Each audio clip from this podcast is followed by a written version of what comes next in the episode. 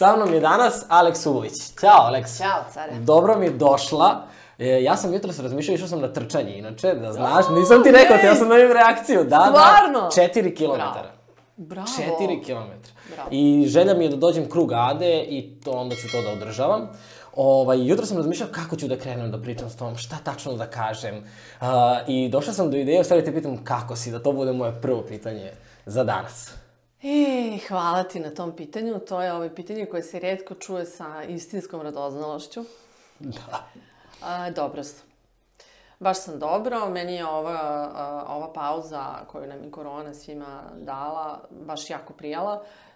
Da, u stvari sam nekako u ova dva meseca usporila i otvorila neki prostor u, u glavi, u stvari da shvatim da je ta žurba koju ja konstantno imam samo osjećaj koji je i individualni svi. i koji nije realan totalno i da sve može da se stigne u, u nekom slow modu, tako da baš sam dobro. Prijelo mi je sve to, sad smo bili Siniš i ja malo na tari, trčali, uživali, tako da... Da, to sam video, to sam video. Da. I na Taru hoću da idem da trčim i na Zlatibor i na sve moguće destinacije. Da. O, znaš šta mi je stvari kod trčanja, pre nego što krenemo sa zvaničnom temom, ali kod trčanja mi to što sam kao sam i nema a, postavljanja pitanja, nema, e, uradio, e, ne, nego sam i trčim i tako mi, ono kao prvi put u životu mi ima smisla. Sećam se, ono, ja sam stalno ti slao one trkačke fore, ono kao nas neko juri, ne, pa šta radimo? I ostalo, ali sad mi kao ima smisla da trčim, zato što sam sam i prija mi, i prija mi. Trčanje je uh, višestruko značajno i Mhm. koji su, mislim, ja sam sad uh, pet godine već kako trčim i to je stvarno jedina aktivnost u mom životu koju sam duže od pet dana radila, a kamoli pet godina. I u stvari nekako ti kad trčiš pod broj jedan je osjećaš se živ i osjećaš neku slobodu. Mislim, ja, ja kad sam počela da trčim redovno i kad sam ono, malo ušla u formu i kad je prestalo sve živo da me boli dok trčim, ovaj, došla u stvari do tog osjećaja koji, kao ono osjećanje slobode koje imaš kad si bio dete. I to je u stvari najlepše onako. Kao ono kad se zaletiš i trčiš niz livadu. E, znači, Da. taj osjećaj u stvari je genijalan.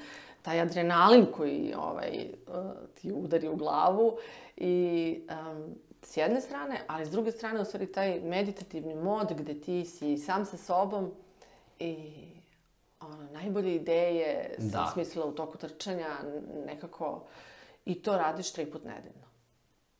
To je genijalno. Tako da, bravo, baš mi je drago da, da si ušao u taj vibe i Znaš šta je meni bila kao promena? Pre neki dan sam išao da trčim i pada kiša. I ono trčkaram i opušteno i sve. I vraćam se sad ovde u komšiluku, znaš kako svi smo ovde povezani i neki stariji komšije, e, kako si, ja kao, super mi je dan. A ono pada kiša, ono kao, kao šta ti je? I ono, dođem kući i razmišljam koliko ljudi ustalo i jutro se rekao, jo, kako odvratan dan. jest. Znaš, ovo trčanje mi je potpuno neku drugačiju perspektivu Jest, promenilo jest. tog dana. Yes. Tako da je to Nama je, fenomenalno. ovaj, kad smo došli na Taru i sad ovaj, bili smo pet dana i onako bilo neko muljavo vreme, polukišovite i tako. I ovaj, Siniš ja smo trčali svaki dan tamo po šumi i tako. I sad krećemo kući i taj čovek, ovaj, čija je kuća, kaže, jao, pa eto, nije vam baš bilo neko vrijeme. Ja kažem, ne, ne grešite. Trkačka logika je sasvim obrnuta. Znači, što je niža temperatura i lagana kišica koja će to svežava sve vreme da trčiš, pa to je savršeno. Tako da, kiša je trkačima Da, da, potpuno druga, druga priča. A, ajde da krenemo sad kao sa zvaničnim delom ovog podcasta. A, ja sam isto razmišljao kao šta bi bio u stvari početak i pre nego što ti ispričaš tvoju priču, ja ću kao da ti kažem neke stvari koje sam ja naučio od tebe za, za sve ovo vreme koje, koliko se znamo. A, da se vratim u stvari prvo na, na prvi susret. Ja na jednoj strani hodnika, ti na drugoj. Sećaš se da sam ti očekuješ crnku. Da, da. Pojavljuje se plavač. I pojavljuješ se ti ja kao... Ali to je potpuno, zato što smo mi komunicirali mailovima i uvek je bilo, sećam se, tražio sam neki mail i- izađe mi kao, e, Siniša, ja smo na putu, Siniša će ti se javiti. Prvo, sam, prvo smo persirali jedno drugom, da znaš. Ta, tako kreće priča. Da. Ovaj, ali definitivno od najvažnijih lekcija koju sam naučio od tebe je bila a, situacija, mislim da smo spremali prvi Total Motivation i ti si mi rekla da nešto idem da završim i sad recimo, ne znam, treba, Jovan treba da ištampa nešto. I ja kao važi uradit ću to i ja sam zvao Jovana 15 puta, on se nije javio, došlo je, došao je dan kad je trebalo sve to da se spakuje i ja sam rekao Jovan mi se nije javio. I ti si me pogledala i rekla, da, ali to nije Jovanova greška, Jer je tvoja odgovornost... Ne, ne, ne, ne. Ali slušaj, to je za mene bio takav kao zaokret, da te ne mogu da opišem, jer si mi rekla kao to nije bila Jovanova greška što ti se nije javio, već tvoja što nisi posao završio do kraja. Jer je tvoj posao bio da to bude ištampano, a Jovan je samo posrednik. I ja sam kao zastao, sećam se toga, i bio sam kao zonu, aha, razumem šta hoćeš da mi kažeš. Zato što do tada sam sve stvari, pre, ti kažeš meni da treba nešto završiti, ja ću to prebaciti na osobu X u ovom slučaju. Ja sam iz- izmislio ime Jovan, nismo nikad Da. sarađivali s nekim Jovanom, ali kao, znaš kao, prvi put sam shvatio, čekaj, znači moja je odgovornost, i ako mi oni nisu odgovorili i dalje je da nađem neki drugi način. I ne mogu da ti objasnim koliko je to uticalo na sve što ja danas radim, zato što se dešava mnogo puta da Jovan neće odgovoriti, a meni je nešto potrebno, kao potpuno drugačiji fokus i nemam tu više niti nervozu, niti ljutnju, nego kao okej. Da, da, tako stvari stoje. Da, Tako je. I to je nešto što je, dovo- dolazi mi do druge stvari, što se tiče organizacije svih događaja i a, onog osjećaja kada, ne znam, kada kažeš, sećam se na početku, kada si polako izlazila iz organizacije i kao, Aleks nije tu, kao. Jer tvoje prisustvo je upravo to, kao, ok, polako, rešit ćemo stvari, ne, ne, sve okej. Znaš, ta neka smirenost je nešto što sam od tebe preuzeo, gledajući te kako ti radiš i slušajući te, mislim, ja sam to rekao i Siniši, toliko ste bili strpljivi sa mnom i toliko ste bili, okej, ajde da idemo korak po korak. Tako da je to nešto Pa što... mnogo za- si sladak. Mnogo si sladak. Pričam, ne, ne, pričam kad neko krene da me hvali, uvek ima pet minuta plus, da, da, znaš. da.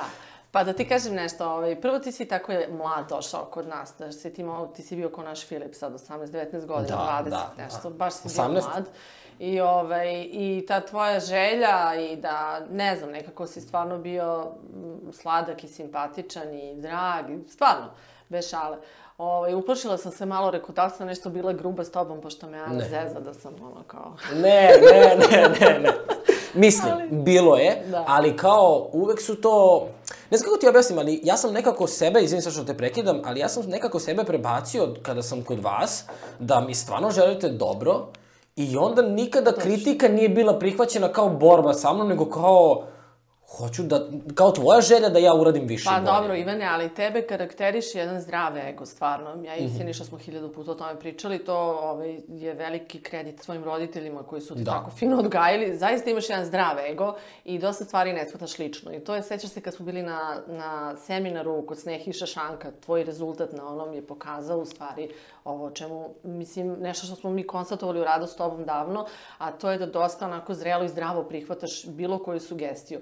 Jer suština je u, u, u poslovnom okruženju da svaki problem ima svoje rešenje i sve može da se reši. To je suština priče, a sad usput ti naravno ćeš da se iznerviraš kad nastupi problem, ali sledeća misao koja dolazi kako ovo da rešim i tu se mislim... Da, da. Ovaj, e, a e, inače smo skoro konstatovali A, Gledali smo neku seriju, pošto ja sam inače završila francuski jezik, filološki fakultet i to sam upisala zato što mi jezici idu lako. Htela sam da upišem psihologiju, to mi je bila prvobitna ideja i celu treću godinu sam se s gimnazije spremala za to, ali sam onda ukapirala, pazi ovo, sa 17 godina, 18, da ja nemam stomak za tuđe probleme. Znači da ja ne mogu da slušam da neko ono svoju tužnu priču da mi priča i da će to mene da potresa i kao ili ja vidim sa prijateljicama ono... E? I ja kažem, ne mogu ja da, da se bavim problemima u životu ili da radim lep posao i odem na filološki fakultet. I u stvari, sad smo gledali seriju produc... um, um, Najjači glas se zove, nekom producentu Foxa. I ja sam gledajući ovu seriju rekla, Siniša, ja sam pogrešila profesiju. Ja sam u stvari producent. I to je to. Ta organizacija i produkcija, da. to je nešto što meni ovaj, tako lako ide i, i puno ljudi, mislim, iz našeg, iz našeg tima mi je dalo ovaj feedback isto kao i ti, da, kao, znaš, da prosto kad sam tu da se osjećaju sigurno, Sigurno, da je sve tako je. organizovano, da je sve pod kontrolom i... Ali dobro. Da, da, ali to jeste stvarno Bog tako. je imao bolji plan. Da, da, Tako da. da tu sam gde Sad baš ćemo da pričamo o tom planu. Da. Ok, znači francuski jezik, radila si kao profesorka francuskog Jeste. i događa se šta? ja ovde držim tvoju knjigu, inače koju sad hoću odmah za, nas, koji, za vas koji ste na početku, za vas koji slušate, a, knjiga se zove Postanite i ostanite zauvek vitki. A, inače, samo izvini, molim te, izvini, molim te pre nego što krenemo sa Želeo da se zahvalim sponzorima, jer mi danas imamo našeg prvog sponzora u emisiji. Da, da! Jupi! Klub Varadero Ada, a, to je a, mesto na kome idete i jedete Cezar salatu.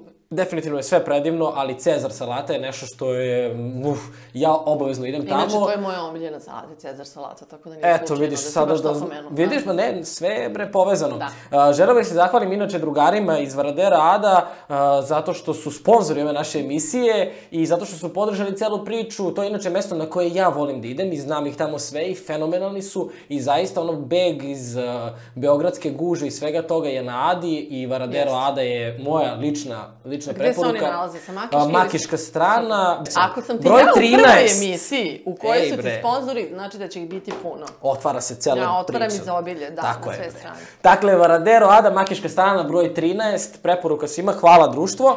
A, vraćamo se a, našoj emisiji, vidiš kako volim u stvari ovaj koncept slobode koji je meni Jupi. važan, ti znaš. A, dakle, postanite i ostanite zauvek vitki, link ka knjizi će biti u opisu profila, a ti, Alex, kreni od nekog tog početka gde je zaokret između um, francuskog, onda tu se desio i put promene i odjednom knjiga, sad odjednom, ja kažem odjednom, ali to Da. verovatno priča ide potpuno drugačije. Da.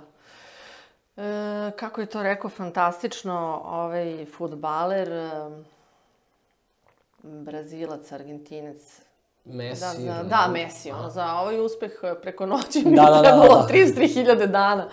Ove, e, pa, ovako, um, ja sam vodila, e, 2010. 11. godine sam vodila francuski boravak i to je bio moj, e, da kažem, posao. U tom trenutku kada je Siniša otišao u Ameriku, vratio se i počeo da vodi radionice po metodologiji Loise Hay.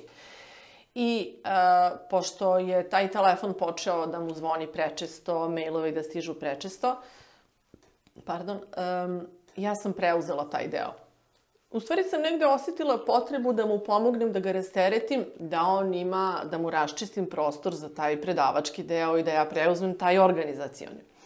I to je tako bilo do 2012. Onda sam 2012. izašla iz tog francuskog boravka i um, ušla u put promene i počela da vodim tu priču. Uh, 2013. godine smo organizovali prvu obuku za trenere uh, po metodologiji Lizy Hay i ja sam veče pred samu obuku koju sam organizovala, ja sam ovaj, odlučila da prođem kroz tu obuku koja traje 7 dana zato što sam shvatila, imam ono, povoljnije uslove, tu mi je, deo sam toga i kao, hajde da vidim, mislim, o čemu uopšte e, se tu radi, da bih mogla da razumem bolje i program i klijente i tako dalje. Znači, uopšte mi nije bila namera da vodim radionice, niti da se time bavim. Uopšte. Stvarno? Stvarno, da. Uopšte, nego samo u tom organizacijonom smislu da ja to mogu bolje da ispratim, da ja vidim o čemu se tu tačno radi. I veče pred smo mi sedeli Siniša, ja i Ana i Aileen uh, iz Turske i, ovaj, i ja sam rekla ja ću da učestvujem ovaj, na obuci i tako. I um, Međutim, tu se desila jedna, jedna velika transformacija, zato što su to su programi ličnog razvoja i kao i bilo koji program ličnog razvoja i bilo koji kasnije sam to videla i kroz ovaj psihoterapeutske pravce kroz koje sad prolazim, da bi ti uopšte mogao da radiš s ljudima, moraš prvo da prođeš sam kroz lične procese. I ja sam prošavši prvo kroz taj proces na obuci 2013. a kasnije 2014. kad sam prošla obuku da budem life coach, da mogu da radim jedan na jedan sa nekim, koji je isto bila ono duboko procesni rad, Uh, ja sam jednostavno osetila zov uh, da, da se bavim ovim poslom. I u stvari, ono što me je prvo privuklo je činjenica da I to je prva radionica i mislim, to je pravac u kom sam od starta krenula 2013. godine su bile radionice um, uh, postanite i ostanite za uvek vitki. I u stvari sam negde shvatila da, da svojim primerom, iskustvom i plus znanjem koje imam uh, iz metode Loizi Hay, da mogu da pomognem i drugim ženama da, da se prosto ne, ne prejedaju, da se ne goje i tako dalje. Tako da to je sve krenulo odatle. E, 2014. sam prošla dakle, obuku za life coacha, 2015. sam prošla obuku isto u okviru Heal Your Life-a da mogu da radim a, u korporativnom okruženju. Samo bih te pitao gde si prošla tu obuku? jao, jao, jao. to je fantastična priča. Ajde, ajde. To je fantastična priča e, koja ide ovako. Dakle, ja u nekom trenutku 2014. godine shvatam da Siniša i ja svako malo provodimo vreme na moru i mnogo volimo more. I e, prvo je to bilo 10 dana, pa 12 dana, pa 20 dana i tako. I ja na kraju shvatim te 2014. da je naš posao takav da mi možemo da budemo 3 meseca na moru. I ja dolazim kući s mora u 20. avgusta i krećem da ovaj, tražim kuću neku da uzmemo za sledeće leto. I kao čoveče, ko će da čeka sledeće leto? Daj da vidim nešto u januaru. I um, ja kažem, ali gde mogu da idem u januaru na more? Pa kao mogu da idem na Tajland. Znam da to nešto nije skupo, kupiš kartu, to mi je moja drugarica rekla, kupiš kartu u avgustu, ona ti je oko 500 evra i posle tamo ono skupiš pare za hotel, ništa to nije skupo Da. i ja krećem da gledam Tajland u januaru. Po mojoj priči, sedam dana nakon toga, a Siniša kaže da je to bilo posle dva ili tri dana, Men, znači, mog, moje, mog traženja smeštaja za nas na Tajlandu u januaru, meni stiže mail od Your Life-a, znači od, iz Amerike mi stiže mail, da se prvi put organizuje obuka na Tajlandu u januaru. znači, znači, Ko nije verovao u... u čuda. Da, sad je E, to to. je to. Da, stvarno. Znači, ja sam bila u fazonu, ja sam već na Tajlandu. Znači, Da. iste sekunde sam se prijavila, uplatila taj depozit i tako dalje. I otišla čoveče na Tajlandu u januaru da prođem obuku, da mogu u korporativnom okruženju da vodim Luizine programe. I, ovaj, I zaljubila se u Tajland i posle sam bila još jednom, sad sam bila i sa Sinišom i tako. Ovaj, ali stvarno je fenomenalna priča, ono, ko u čude veruje, taj čude. Da, da.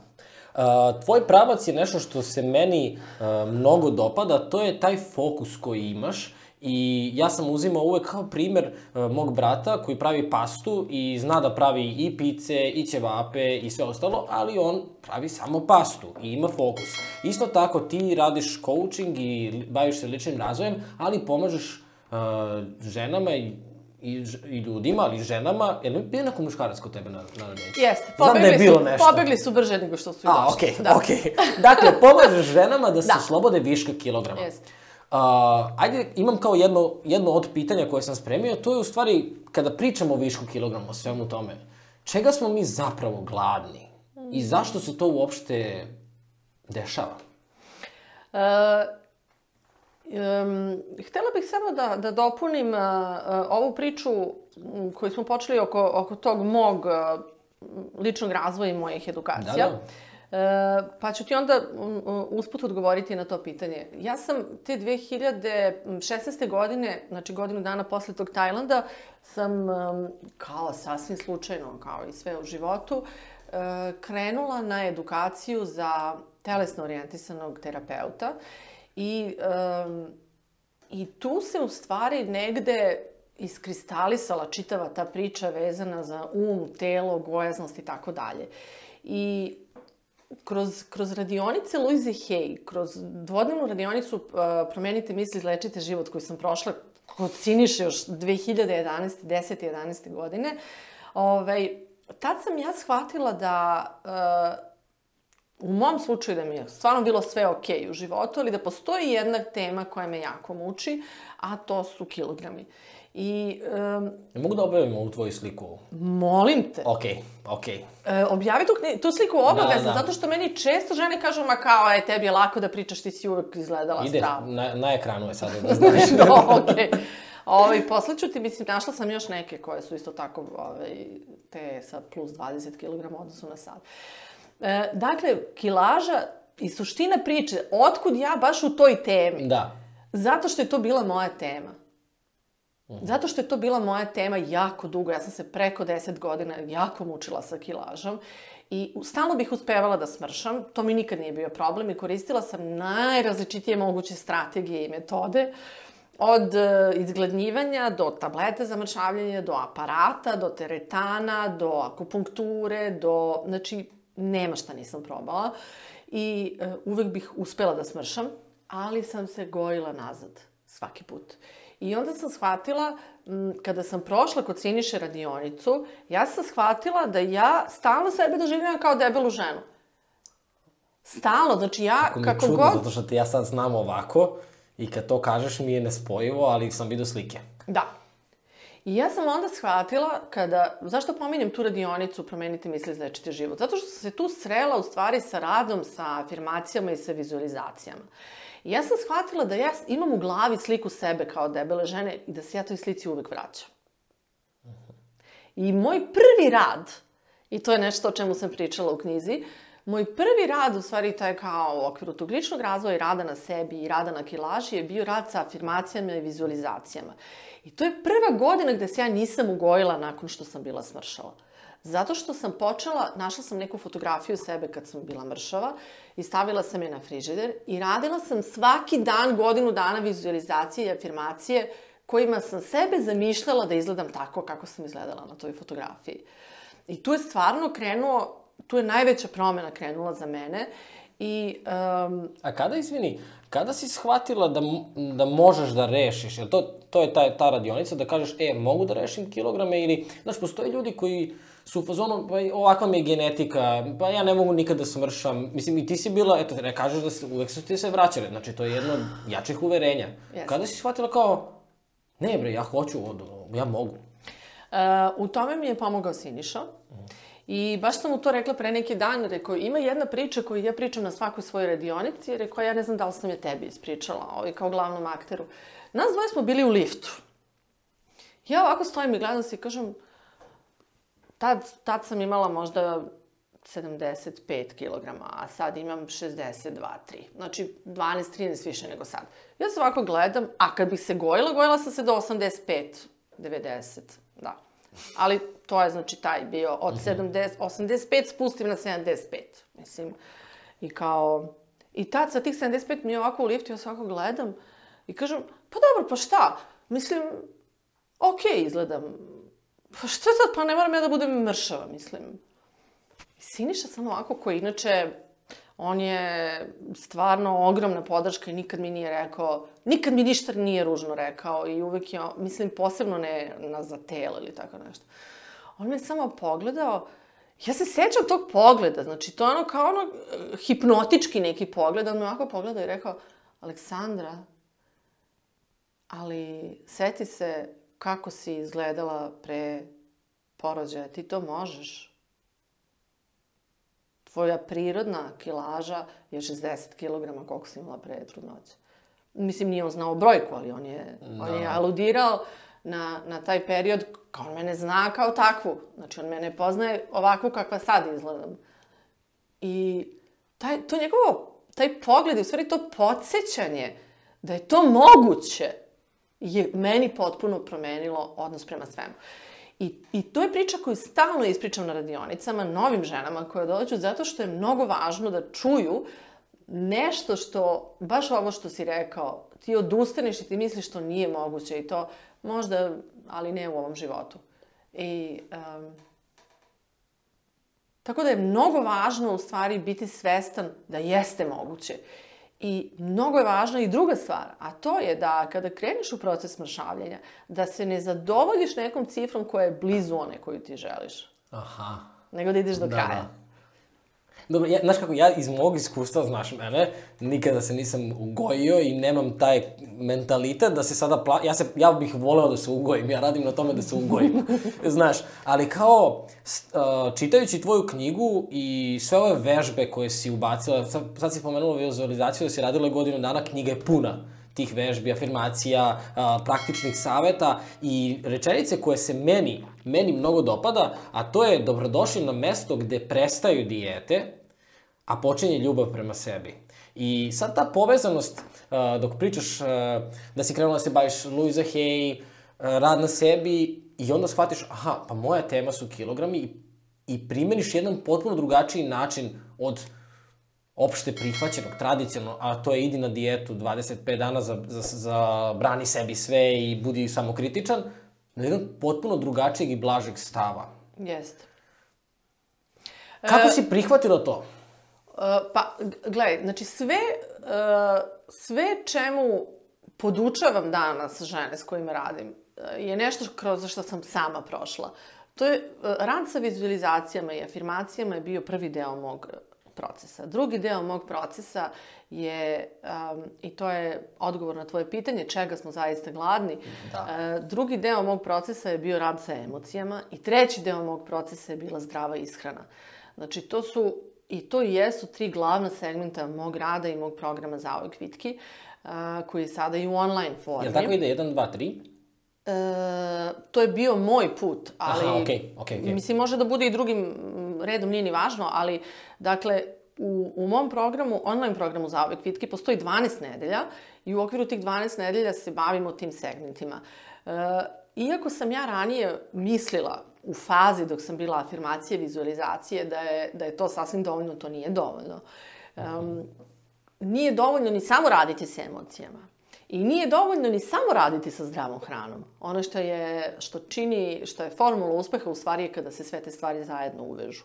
Zašto? Zato što mi kada promenimo načini, promenom načina ishrane, mi uvodimo nove zdrave navike i um, idemo ka tome da, da, da kreiramo jedan održiv sistem ishrane koji čini da ti se kile ne vrate, kao što se meni nisu vratile.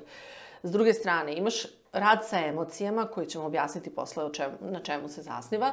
Imaš taj rad sa emocijama gde u stvari učiš na koji način da se nosiš sa svojim emocijama umesto da odeš da se predaš. To je druga stvar. I treća stvar, kao jako važan segment ove čitave priče, je implementacija nekih novih ideja, nekih novih slika i rad na podsvesnom delu našeg uma koji, koji je e, podržan afirmacijama i vizualizacijama. Tako da sve to zajedno mršavljenje je jako kompleksna stvar. I ja ne mislim uopšte da sam uh, otkrila toplu vodu i uopšte ne mislim da sam i dalje nešto sada završila priču. Ja stalno otkrivam nešto novo i delim sa, sa, sa ženama i na Instagramu koje me prate i na Facebooku i u okviru online programa na kojima radim. Mm, Dakle, i, i sama ja sazrevam u tom procesu rada uh, sa njima i dalje. I um, mršavljenje je izuzetno jedan uh, kompleksan proces i ja to doživljam kao jednu veliku kompaniju.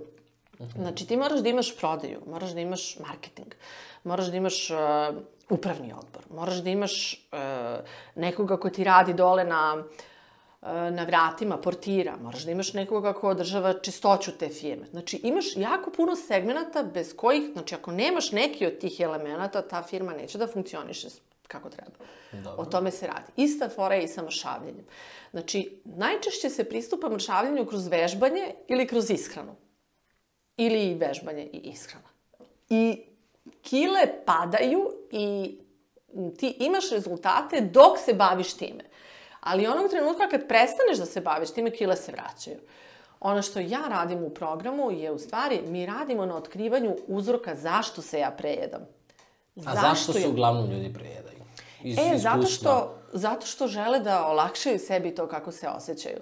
Mi kada pojedemo nešto, mi kad smo napeti, kad smo nervozni, kad smo ljuti, kad smo pod stresom, kad osjećamo strah, nama je najlakše da uzmemo nešto da pojedemo ili da zapalimo cigaretu. To je isti je model. Znači, zapališ cigaretu da se smiriš. Popiješ čašu alkohola da se smiriš. Pojedeš nešto da se smiriš. Ili, a, ako ti je dosadno, uzmeš nešto grickaš. Ili, um, osjećaš se usamljeno, um, uzmeš onda, ono dosadno, ti ajde da uzmem da pojedem nešto slatko. Znači, hrana bude kao neka vrsta zabave, bude uteha, bude zadovoljstvo, bude naš način da, da se osjećamo bolje. I mi kada, naš, naše telo je jedan savršen mehanizam. Ti kada, un, i hrana nam je potrebna da bi to telo moglo da funkcioniše. I ti kada energetski uneseš, uh, sada pričamo u kalorijama, ako uneseš određen broj kalorija i potrošiš te kalorije, ti si na, na ravnom. Ako unosiš manje kalorija nego što trošiš, ti mršaviš i ako unosiš više kalorija, ti se gojiš. I sad to je vrlo jednostavna matematika, ali je pitanje zašto se mi prejedamo? Zašto mi jedemo više nego što nam treba? E, Odgovor na to leži upravo u tome zato što ne umemo da se nosimo sa tim šta osjećamo, nego Znači, nema veze toliko sa glađu, u stvari. Da li sam sad gladan pa ću da pojedem duplo više nego što bih mogao ili 30% više. Ja sam negde pročitao da kao nikada nećete naći u tigra u džungli koji je debeo. Jer on uvek jede koliko mu treba. Sve, hvala ti. Znaš- Da, ovo je super for. Da. E, ali Tako je. postoje ljudi, sad, sad, zato što mi je to bilo, mi, sad dok si pričala, sve vreme mi u glavi, aha, znači nema veze da li sam ja gladan, nego ima veze kako se ja osjećam.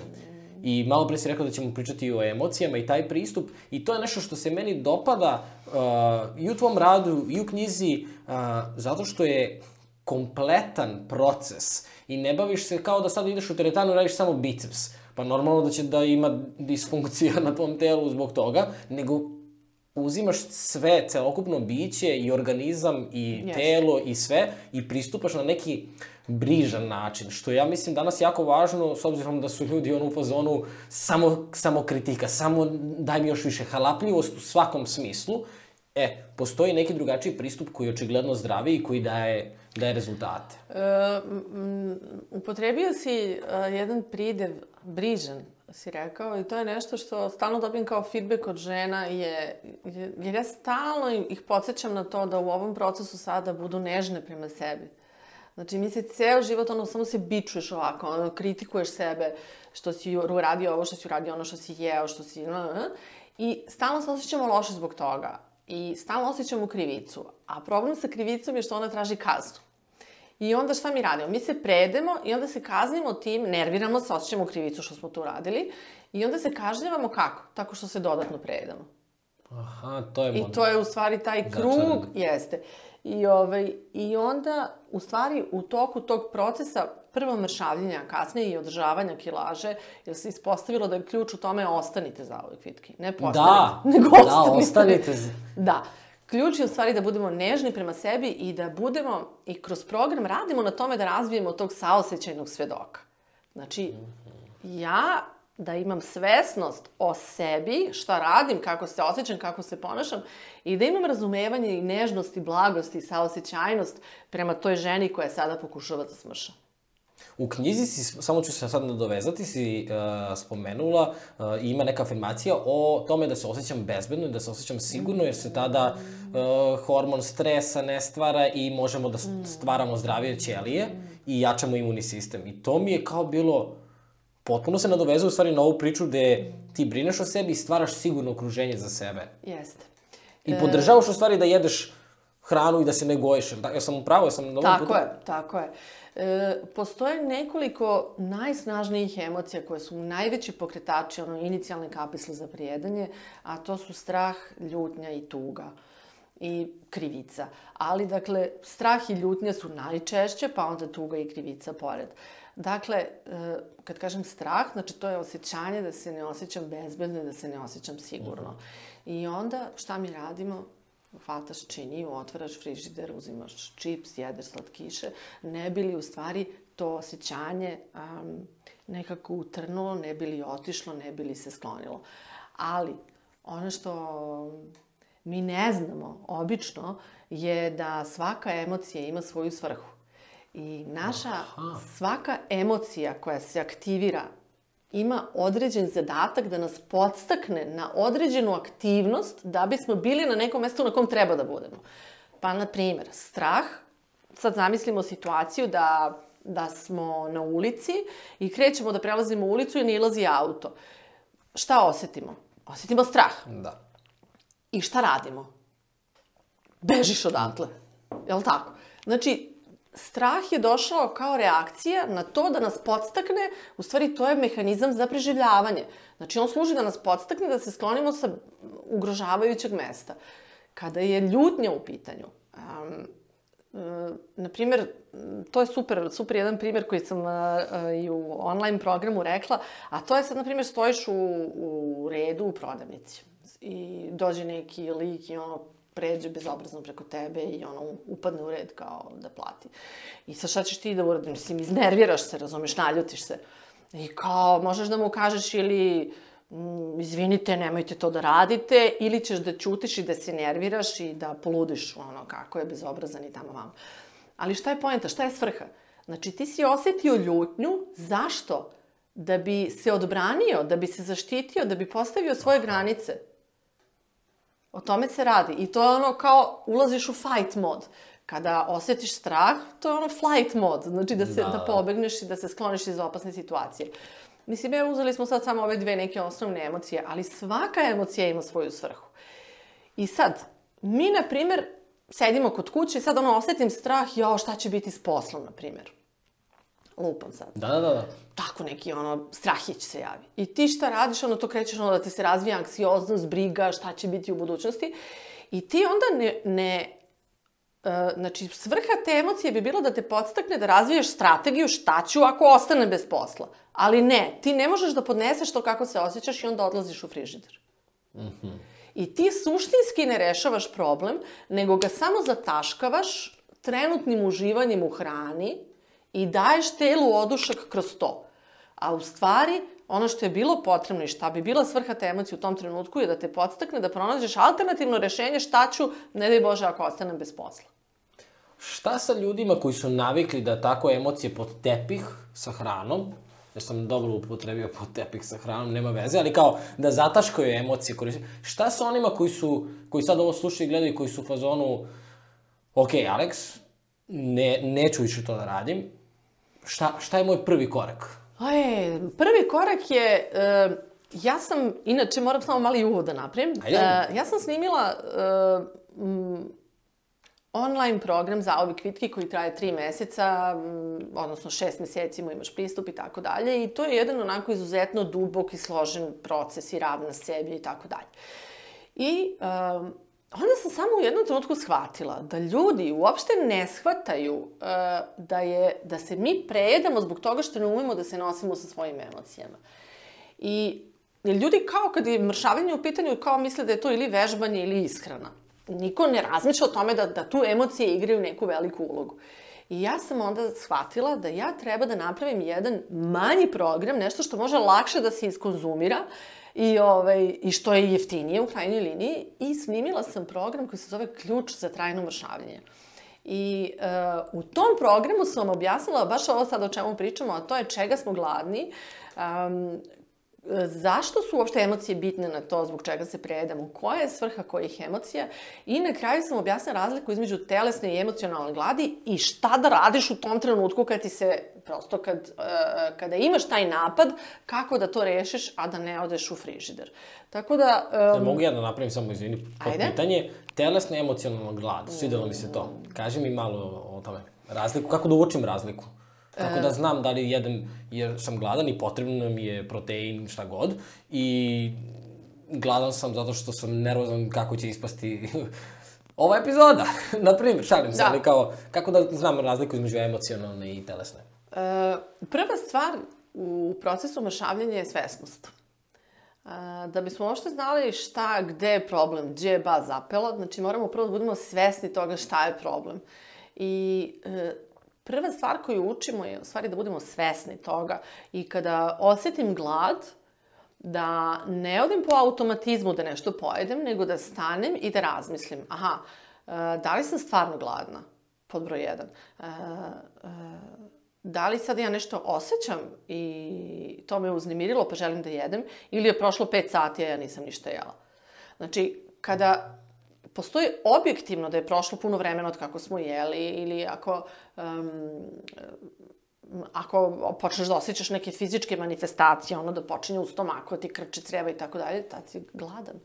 I to je sasvim u redu da tada jedeš. Ali ako, ako si se zbog nečega uznemirio, ako si imao neki neprijatan razgovor, ako imaš neki strah, ako te je iznervirao ono, kolega, žena, tata, nije važno, i ti tada želiš nešto da pojedeš, e, tada je svesnost ključna stvar. Znači da, da proceniš da li je u pitanju telesna glad, dakle stvarna glad i Bogu hvala da postoji apetit, jer taj apetit nas održava u životu. Um, I s jedne strane, a sa druge strane, ili je u pitanju emocionalna glad gde se desilo nešto što, što me uznemirilo i što me sada nagoni u stvari da idem da se prejedem. A sad misliš, koliki procenat ljudi je, koliki procenat ljudi je iskren u tome da kaže, aha, znam da sam gladan, da sam se iznervirao i neću jesti. I oni koji će da kažu, još, još danas ću da pojedem, da sam se iznervirao. Gledaj, e, ja stalno to naglašavam. Mnogo nam je važno za početak da, da imamo svesnost o tome e, da ljuta sam i zato želim da jedem. Pa onda uzmi i jedi i to je okej. Okay. Ali imaš svesnost o tome. Jednom, drugi put, treći put, peti put nećeš to uraditi. Znači, ne treba ambiciozno očekivati od sebe i to je stvarno ta nežnost i blagost i taj saosećajni svedak o kom se, pričamo. da, da. Znači, tu je mnogo važno u stvari biti svestan toga šta osjećaš i zbog čega uopšte jedeš i prejedaš se. Ima još jedan važan faktor, a to je, uh, ja ne znam kako je kod tebe u kući, ali da li pojedeš sve iz tanjira? Od uvek je bilo tako da ne valjam onoliko koliko Zamisli to. koliko nisam pojeo, a ja uvek kažem, pa dobro, bolje da malo ne valjam, znaš. Ali, da, da, da, Moja baba je govorila vrediš ovoliko koliko si ostavila. u obrnuta psihologija mojih. ono užas. I um, jedna od prvih stvari koju učimo je da osevimo malo u teniru. Zato što n- najveća problematika sa prejedanjem je što smo mi izgubili kontakt sa našim telom. I mi jedemo po mehanizmu, prvo ono, žuriš nešto samo da pojedeš, drugo uzmeš, jedeš ispred televizije, treće jedeš sve u tanjiru zato što su ti ceo život si slušao da ne smeš da ostavljaš u tanjiru, da greota, da se baca, da gladna deca u Africi i tako dalje. Ima onaj lik, ne znam, mislim, to ti je slao video, Ajde. onaj lik što kaže kao da sam ovi, kao, o, da li će mi deca iz Afrike sada biti zahvalno što sam mu mislim da jesam, da, da, da, mislim da jesam, mislim da E, to jesam. je to. E, dakle, mi u stvari nemamo kontakt sa telom. Šta to znači kontakt sa telom? To znači da osjećam svoje telo i da čujem signale koje mi šalje. Prvi je signal gladna sam, drugi je signal sita sam. Mi to sve prenebregavamo, mi to ništa ne čujemo i ne registrujemo, nego jedemo po mehanizmu. Ali smo, po- i- u, u, u, ja gledam i, ja jedem i gledam TV. Da. Jedeš i pričaš sa nekim. Jest. Nisi tu dok jedeš, jedeš i gledaš telefon. Opet se vraćamo na svesnost. znači, opet sve se se vraćamo. i prilikom I prilikom konzumiranja. Moj sin, na primjer, on uzme, ovaj, prvo znači, najviše voli da jede u svojoj sobi i sad kad ga ono izmasiram da jede tu sa nama, on ovaj ruča i, i ovako telefon sve vreme. Ja kažem, čovječe Boži, daj spusti, ono, okreni ga, neka ti ga tu, ako se osjećaš sigurnije, ali samo ga okreni. Da. Dosadno mi je. Kaže, meni je, meni je jedenje gubljenje vremena. I sad, okej, on ima 18 godina i 60 kila, mislim, on želi da se ugoji. Ali, time što tako stalno jedemo, e, konzumiramo našu hranu, e, odsutni, mi stvaramo predispoziciju jednog dana da, da se predamo, zato što um, nemamo svest o tome. I opet se vraćamo na, na, na prvi element mršavljenja, a to je svesnost. Znači, svesnost kada osjetim glad, čega sam gladna, da li sam zaista gladna, da li je prošlo neko vreme pa treba da ručam nešto ili da večeram. Drugo, um, da li nešto osjećam sada, i, pa me to uznemirilo pa želim da jedem. I treće, kada, kada konzumiram hranu, da budem svesna svakog zalogaja koji žvaćem i da osjetim kad sam sita. Zato što uh, mi od, od nesvesnosti dok jedemo, mi ne osjećamo sitost uopšte. I, a na ovaj deo me podstakao moj mlađi sin, koji je veliki gurman, znači, to znaš i sam, Simon sprema hranu, Da. on sad ima 14 godina, on sprema već 5-6 godina hranu, mislim, ozbiljan je kuvar i, ovaj, i baš jako uživa u hrani i sve voli. I on sipa u tanjir. I ja prva stvar koju sam počela da radim je da sipam u tanjir koliko on sipa. Znači, to je mi je bila prva ono vežba.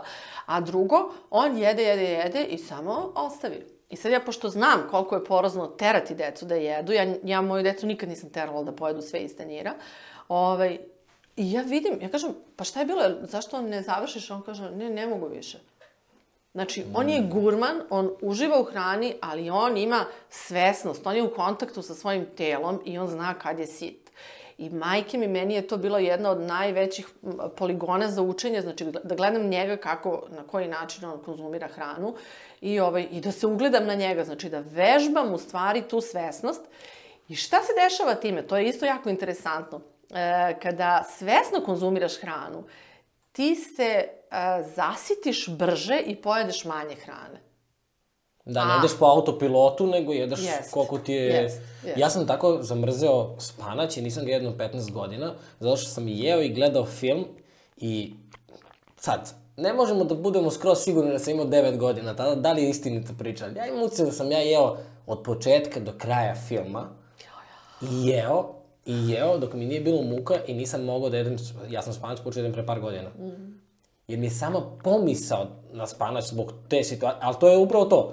Kakva svesnost, ja ne znam, ono da si mi stavio supu, ja bih nastavio da jedem supu, da si mi stavio nešto drugo, ja bih kao nastavio da jedem nešto drugo, mm. uopšte ne razmišljam dok se, dok se hranim. I ovo mi sad deluje kao, uh, na početku smo pričali da postoje ljudi koji svesno beže u hranu zato što se, mislim svesno, ali plaše se, imaju strah ili tako nešto i pot, posebno za hranom. I postoje ljudi koji uopšte ne obraćaju pažnju i oba ekstrema imaju neželjeni efekat. Jeste.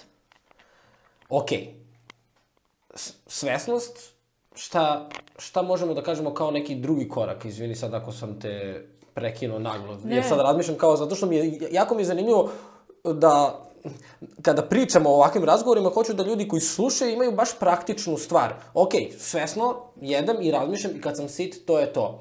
A, šta sa ljudima koji su navikli da jedu samo slatkiše nakon, nakon ručka, što je opet nešto u čemu ne razmišljaš, nego eto jedem, jel tako sam Oni neka pogledaju moj video na YouTube-u kako sam ostavila slatkiše. Hoćemo da ostavimo video, is, o, Može. link ispod, strava. Ali, A, aha. ali...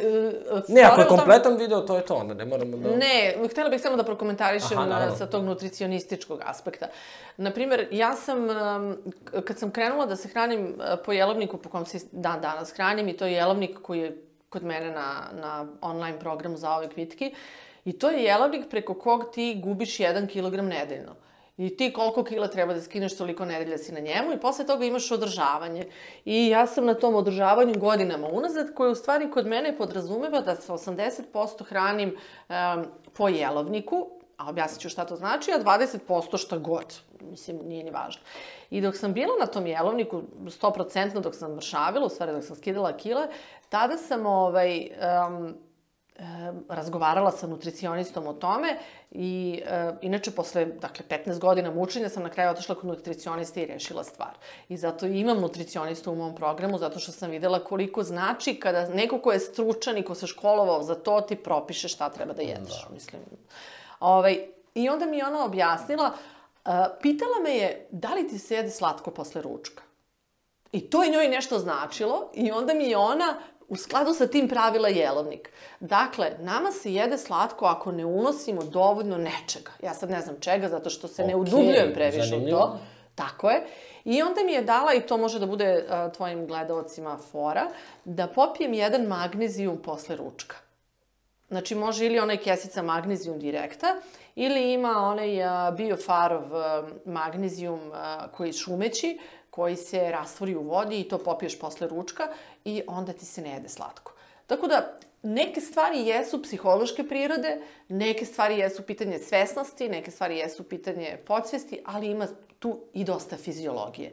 I to jeste razlog zašto je u mom programu za mršavljanje postoji i segment e, jelovnika, zdrave ishrane, nutricioniste i podrška koju žene dobijaju, a, znači da smršaju kroz taj pristup. S druge strane, one dok se hrane po tom jelovniku imaju podršku um, psihološke prirode, dakle prolaze, gledaju video lekcije prolaze kroz audio vežbe.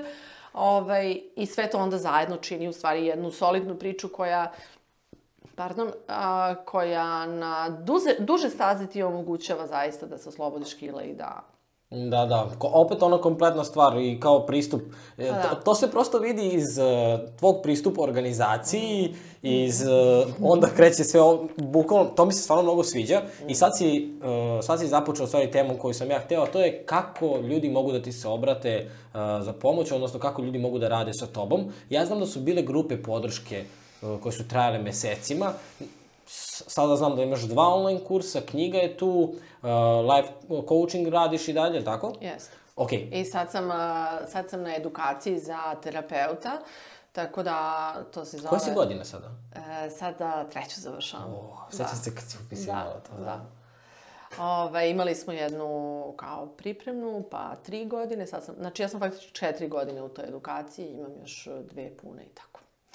E, dakle, kako ja trenutno radim i kako funkcionišem, um, dakle, postoje dva online programa koji su na, na mom sajtu. Jedan je taj kraći ključ za trajno mršavljanje i uspešno mršavljanje i drugi je taj veliki program za ove kvitke koji traje 3 odnosno 6 meseci. Preporučuješ da prvo dođu na kraći, da se upoznaju? Tako je. I to je, ja sam napravila i finansijski da se ljudima isplati to, znači ovi ljudi koji um, kupe program Ključ za trajno mršavljanje, njima se umanjuje cena velikog programa za cenu tog programa, da bi im to bilo i finansijski isplativo, da A u stvari šta je suština?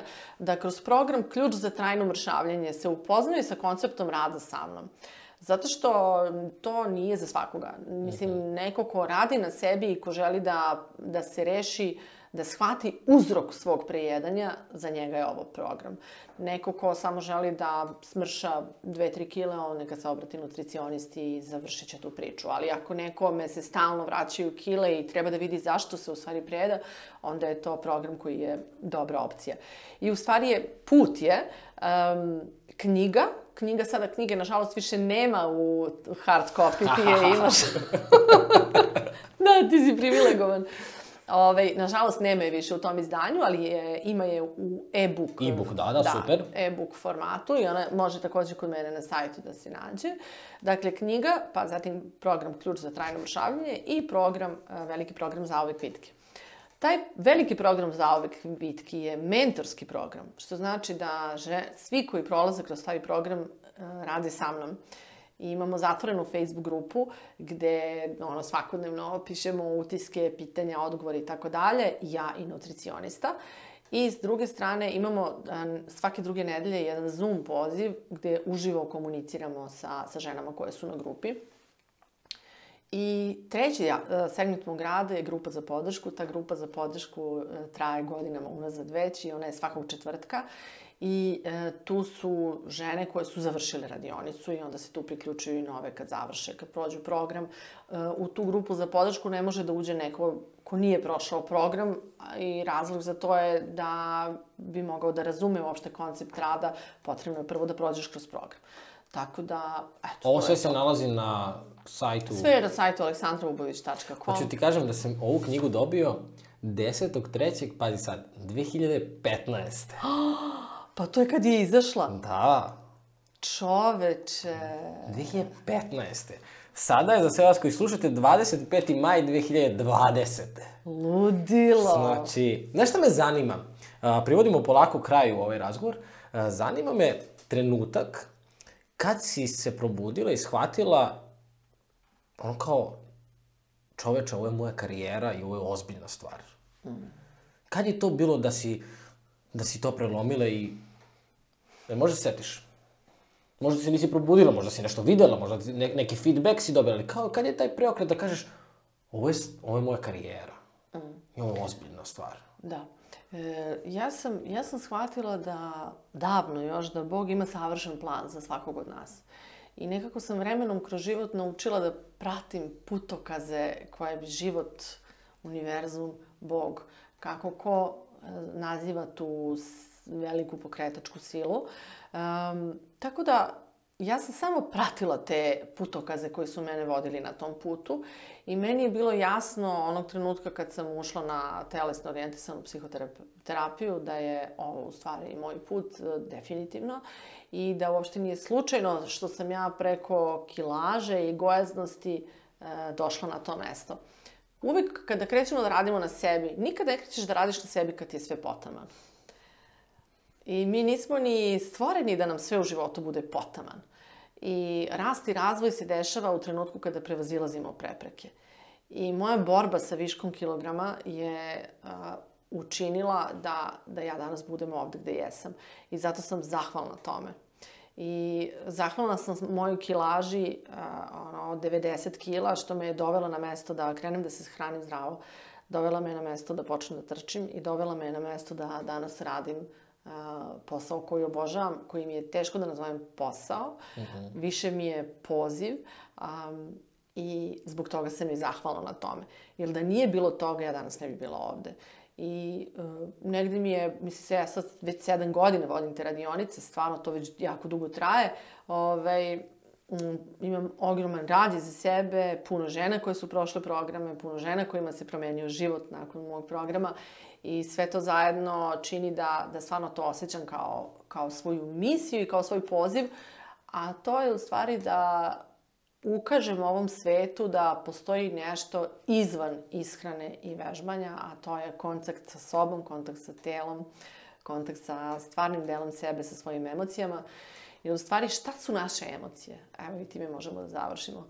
Naše emocije u stvari pokazuju ko mi jesmo, šta nam prije, šta nam ne prije. A mi iz straha da pokažemo ko mi zaista jesmo, mi te emocije potiskujemo. I kroz moje programe učimo u stvari da dođemo u kontakt sa tim autentičnim delom sebe i da budemo to što jesmo. A to donosi velike promene u životu. Da, fenomenalno. Uh, ništa više neću do, dodati, zaista. Uh, mislim da smo, odnosno da si uh, od početka do kraja ovog razgovora i podcasta, mislim da će ljudi koji slušaju stvarno dobiti jednu potpuno drugačiju perspektivu Jer ja sam odrastao kao neko ko je, aha, ako ćeš da smršaš, ja gledam moje roditelje, odu na dijetu. Ali nema nikakvih dodirnih tačaka sa emocijama, sa stresom, sa svim ostalim faktorima koji yes. te kako utiču, kao kako što si sada i, i rekla. Uh, dakle, aleksandrubović.com, tu je sve gde mogu da nađu uh, programe, ove, knjige i tako dalje.